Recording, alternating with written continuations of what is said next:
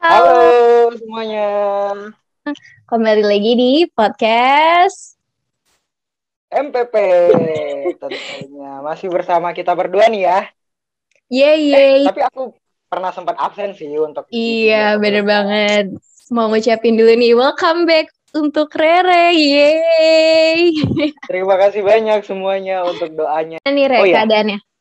Sekarang udah benar-benar baikan nggak? Udah, udah, udah baikan sih, udah gak ada gejala lagi, udah negatif. Gitu. Alhamdulillah. Ya lumayan lah dua minggu menjadi tahanan rumah gitu kan. Aduh. nggak Ngapain aja sih, tuh? Cuman,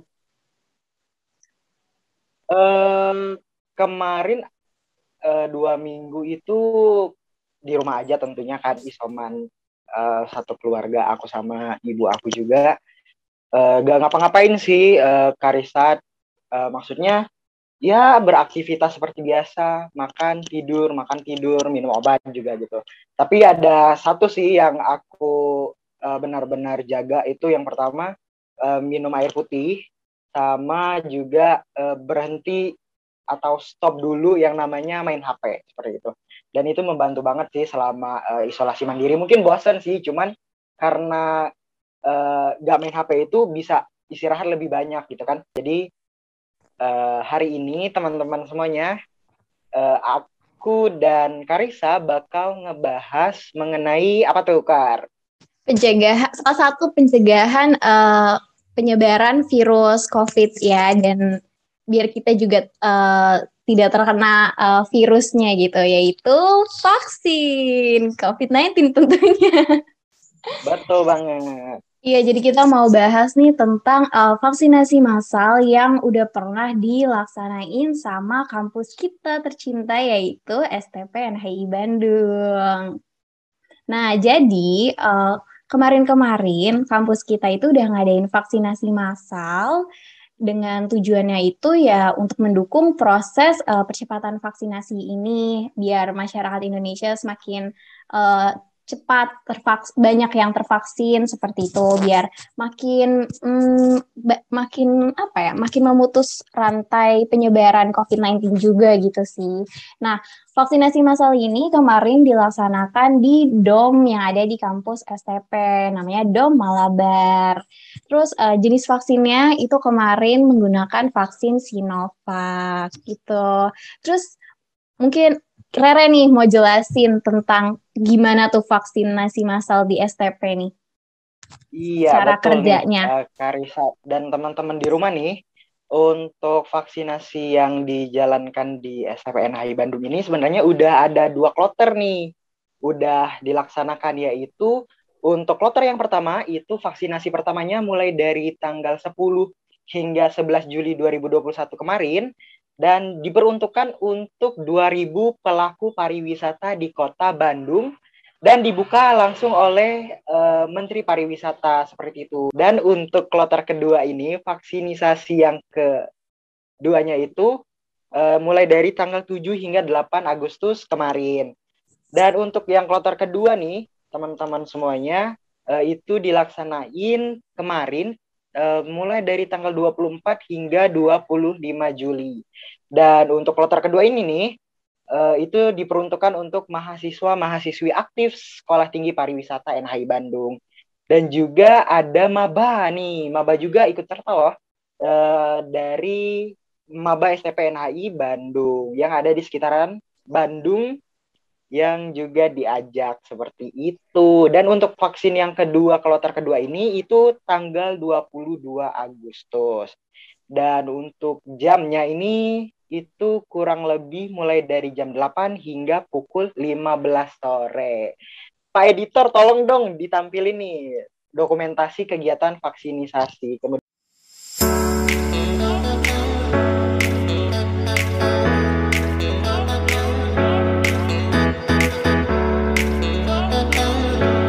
Kemudian, nah untuk teman-teman nih eh, yang mungkin eh, masih belum tahu ya, ada vaksinasi di Sekolah Tinggi eh, Pariwisata NHI Bandung ini. Jadi eh, untuk pendaftarannya sendi- sendiri ini me melalui link yang sudah ada dikasih di uh, feeds atau postingan Instagram dan untuk uh, hari H itu prosesnya diawali dengan cek ulang data, kemudian cek tensi, vaksinisasi, kemudian ada juga yang namanya area observasi.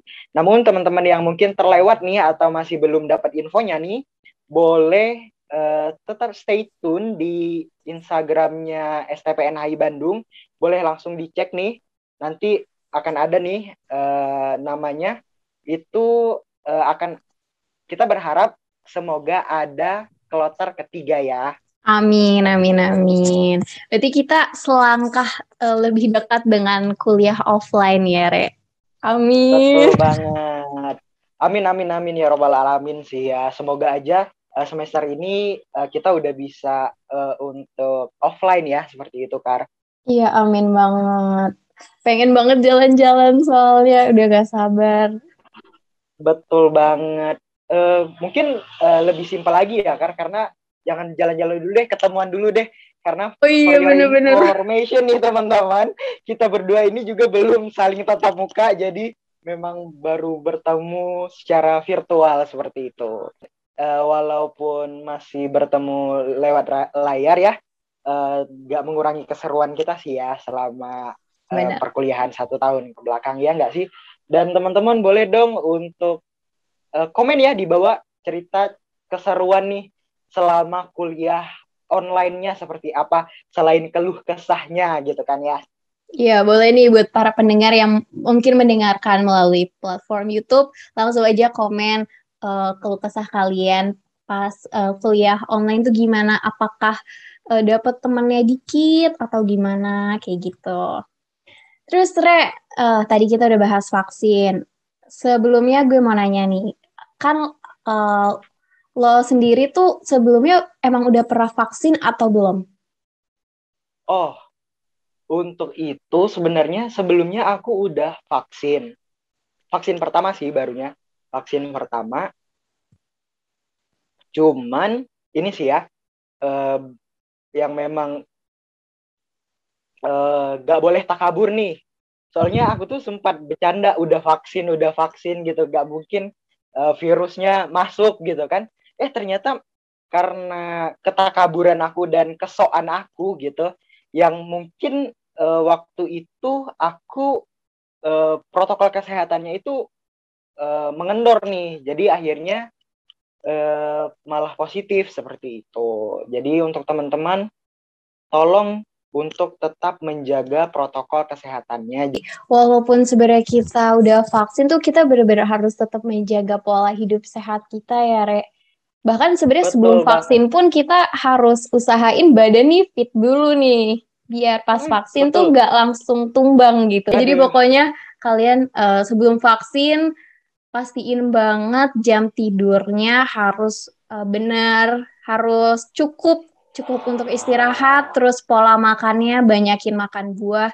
Setelah vaksin pun kalau misalnya after effect uh, vaksinnya itu kalian merasa jadi males makan, tetap harus uh, istilahnya tetap masukin deh makanan biar uh, kalian tuh ada energi. Uh, vaksin itu tuh nggak berarti kalian terbebas dari COVID-19 gitu. Enggak, kalian bakal masih bisa ada kemungkinan untuk terkena COVID-19 walaupun lebih kecil ya presentase uh, kemungkinannya. Tapi uh, usahain pokoknya setelah vaksin tuh kalian sebelum atau baik setelah kalian tuh tetap jaga kesehatan. Alhamdulillahnya sih Re kalau gue kemarin uh, vaksin lancar-lancar aja, alhamdulillah. Yeah. Uh, Tapi gak tumbang-tumbang juga sih? sih. Kalau gue tuh after effect-nya di hari pertama ya, di hari pertama tuh uh, cuma ini sih, cuma sakit di bagian uh, area disuntiknya gitu. Uh, 10 menit pertama setelah vaksin tuh langsung pegel tangannya. Cuma uh, abis itu udah nggak pegel-pegel lagi, tapi seharian itu agak sakit di bagian uh, suntiknya. Kayak agak ngilu-ngilu gitu loh. Nah, cuma ya aku nggak ada sih yang kayak misalnya meriang segala macamnya gitu. Kalau Rere gimana? Hmm. Kalau aku hampir mirip sama uh, kamu sih, cuman uh, gak tau sih kan katanya dengar-dengar ya kalau untuk vaksin pertama itu kan katanya ngantukan nih. Hmm. Dan waktu itu aku dapat juga sih ngantukan. Kemudian untuk vaksin kedua itu uh, katanya lapar nih katanya beberapa teman aku yang udah vaksin kedua itu katanya lapar. Dan aku tuh di vaksin pertama after effectnya udah ngantuk terus laparan. Bayang gak sih? Yang kayak sampai bingung gitu maksudnya ini salah gak sih? Ternyata memang gak sih memang setiap orang kan beda-beda ya after effectnya seperti itu kalau di sini ya di uh, tempat Rere untuk vaksin sebenarnya eh, nggak terlalu dipersulit sih maksudnya ya kita cuma datang kasih uh, eh, iktp kita kemudian tinggal nunggu karena butuh ada proses uh, pendaftaran seperti itulah untuk waktu suntiknya sih cepet banget kayak yang nggak nyangka udah di uh, tes kan kemudian udah pas ditanya beberapa ada keluhan atau uh, penyakit seperti itu uh, setelah itu langsung disuntik gitu kayak udah berlalu gitu aja gitu.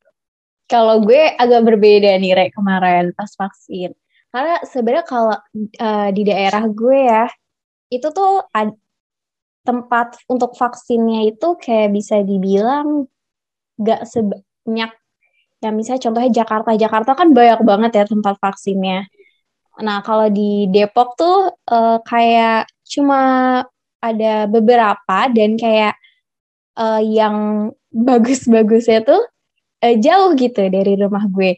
Dan kebetulan gue tuh parno, gue saking parnonya untuk keluar rumah, untuk kayak berencana untuk keluar rumah untuk vaksin aja tuh gue takut. Jadi kayak udah deh vaksin deket rumah, please cari-cari info kan akhirnya vaksin yang terdekat dari rumah gitu. Ada di depan komplek gue, jadi de di depan komplek gue itu ada puskesmas terus gue uh, nanya dong ke puskesmasnya nyari info bisa vaksin atau enggak. Dan ternyata re uh, vaksin di puskesmas depan komplek gue itu udah full slot. Bahkan setelah gue cari-cari nih infonya di Twitter uh, banyak orang-orang uh, warga-warga sekitar rumah gue nih sekitar lingkungan gue yang daftar vaksinnya itu udah dari bulan Juli. Tapi mereka baru dapat slotnya itu vaksin di bulan Agustus, bahkan ada yang di bulan September. Iya, jadi kayak se apa ya, se serebutan itu. Dan akhirnya gue cari-cari info lagi kan, kata ada nih, oke, okay, uh, eh, di puskesmas uh, di belakang daerah belakang rumah gue gitu. Kalau tadi kan di depan nih, sekarang ada yang di belakang. Oh. Tapi ternyata uh, puskesmas di belakang rumah gue ini pendaftarannya nggak online. Uh, kita yang emang mau vaksin itu diharapkan untuk langsung da daftar langsung gitu. Jadi pas hari H vaksinnya ini langsung daftar. Nah, ya karena emang waktu itu pada saat itu vaksin slot-slot vaksin udah pada tutup, yang jauh dari rumah pun waktu itu udah tutup, udah full slot gitu, belum buka lagi jadi ya udah deh karena gue pengen buru-buru vaksin nih karena biar kalau misalnya nanti tiba-tiba ada panggilan dari kampus untuk kuliah offline bisa gitu kan akhirnya ya udah gue ke puskesmas yang belakang. Ternyata sampai sana rame banget. Bener-bener rame banget dan akhirnya kan kalau misal kalau misal Rere tadi kan abis uh, abis cek tensi screening lah ya istilahnya hmm. terus abis itu langsung suntik gitu kan Nah kalau gue tuh jadinya karena rame banget itu tuh nunggu. Jadi abis screening nunggu lagi lama banget sampai akhirnya bisa uh, suntik karena itu tadi uh, pendaftarannya uh, offline gitu kan. Jadi manual gitu. Jadi uh, para petugasnya juga masukin data dulu sebelum kita vaksin. Dan uh, pas di tengah-tengah masukin data itu tiba-tiba aplikasinya error. Waduh. Aplikasinya error sampai akhirnya uh, ya udah deh uh, petugasnya bilang uh, gak usah kalau misalnya udah selesai screening gak usah datang ke meja pendaftaran lagi yang buat ngisi-ngisi data langsung aja nanti hmm. namanya dipanggil untuk suntik. Setelah itu tuh baru setelah dibilang langsung suntik itu langsung cepet banget. Dan sebenarnya ya sebenarnya uh, di puskesmas itu tuh harusnya yang vaksin itu 70 orang per harinya. dan cuma disediain di hari Senin sama Rabu. Tapi pas gue datang aja, jadi pendaftaran itu dibuka jam 8. Uh. Gitu udah, gue berangkat dari rumah jam 7 dan itu deket dari rumah gue. Jadi kayak paling 7 lewat 5 menit gue udah sampai di puskesmas uh, uh. gitu. Uh. Tapi itu gak sih, Re? Itu gue mau ngambil nomor antrian aja, tuh ngantri dulu panjang, terus kayak ngantri 5 menit lah. Dan ternyata pas gue udah sampai nih di meja pengambil nomor urutan, gue itu urutan 215. Serius? Serius. Gue bahkan sampai bingung gitu soalnya kan di infonya kan 70 orang per hari kan. Berarti harusnya gue nggak hmm. dapet dong. Ya kan? Terus gue kayak bingung yeah. nih. Akhirnya gue nanya lah ke petugasnya di situ. Ini uh, berarti dapet slot ya? Terus katanya, iya uh, hari ini 200 orang jadinya slotnya. 250 orang slotnya. Katanya gitu. Akhirnya setelah ngambil nomor pendaftaran karena di situ rame banget dan gue takut gitu kan akhirnya ya udah gue pulang gue pulang dulu. Gue pulang uh. dulu. Sekitar jam setengah sepuluh itu gue balik lagi ke tempat uh, puskesmasnya. Dan uh. itu makin rame rek makin rame banget. Itu tuh nomor pendaftarannya udah sampai tiga ratusan lebih. Terus gue kayak hah? Berarti lebih dari 250 dong gitu kan. Uh. Uh, yaudah gue tungguin gue uh, langsung screening gitu kan. Terus abis itu karena rame banget itu lebih rame dari paginya akhirnya gue balik lagi ke rumah. Karena juga nunggunya tuh lama banget. Karena kan hmm. itu tadi kan harus masukin ngisi data secara manual gitu. Jadi nungguin ngisi datanya tuh lama banget gitu kan. Akhirnya gue pulang lagi sekitar jam setengah dua, dua belas gue balik lagi ke puskesmasnya. Itu pendaftaran masih berlanjut. Di meja pendaftaran tuh masih berlanjut. Ternyata udah urutan 400 wow. Iya. Jadi gue kayak hah? Ini katanya 70 doang gitu kan tiba-tiba jadi 400 gitu bingung sendiri gitu Cuma uh, itu pas gue dateng tuh udah lebih sepi sih tempatnya. Kayaknya mungkin karena ya udah banyak yang selesai vaksin, terus hmm. banyak orang yang pulang dulu sih. karena ngantri banget gitu kan. Iya, jadi akhirnya udah deh. Nah, udah nih Re, kita udah selesai bahas vaksin dari pihak Karisa sama pihak Rere, kita juga udah bahas tentang vaksinasi uh, masal yang dilakukan uh, pihak kampus ya Re dari ah, Kementerian Pariwisata juga tentunya. Dan ya kita sampai di akhir podcast. Wah, gak kerasa cepet banget ya rasanya, ya ampun. uh, itu tadi teman-teman bahasan kita. Uh, mungkin boleh dong cerita gimana cerita vaksinisasi teman-teman yang ada di rumah, uh, pendengar setia podcast MPP seperti itu. Boleh yeah. komen di bawah dan jangan lupa untuk uh, follow ya, follow media sosial kita, baik Instagram, uh, YouTube, Spotify, apalagi Twitter, TikTok. TikTok. Kita, ya, kita ada juga loh. Iya. Boleh linknya ada di bawah ya teman-teman. Cukup sekian dari kami, kurang lebihnya mohon maaf. Dan see you Sampai on the next kali. episode. Dah.